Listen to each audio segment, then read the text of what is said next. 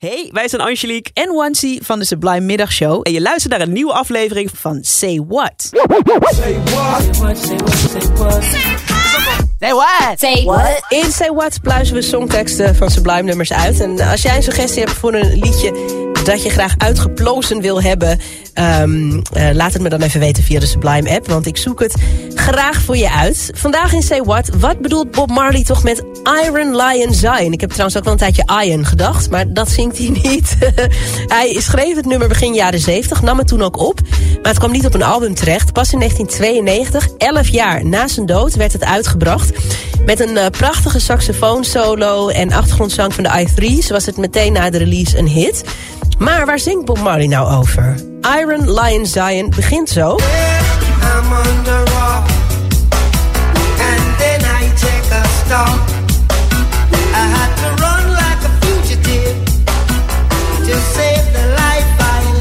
thema op de vlucht zijn, dat kennen we ook uit bijvoorbeeld I Shot the Sheriff hè, van Bob Marley.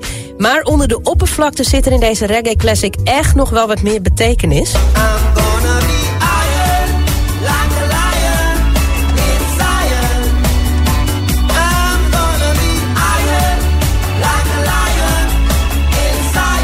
I'm gonna be iron like a lion in Zion. Ik ga even alle drie de woorden ontleden.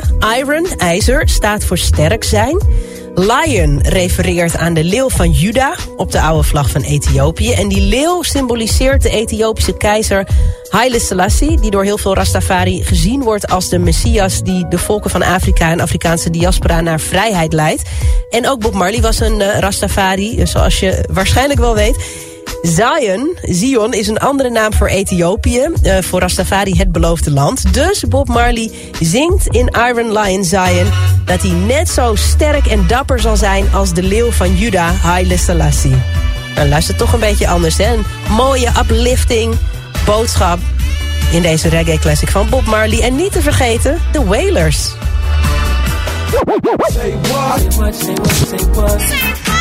Say what? Say what? Wil je meer van dit? Luister dan ook eens naar onze vorige afleveringen van Say What. En check eens de hit story van Jabrine van de Sublime Ochtendshow. In je favoriete podcast app.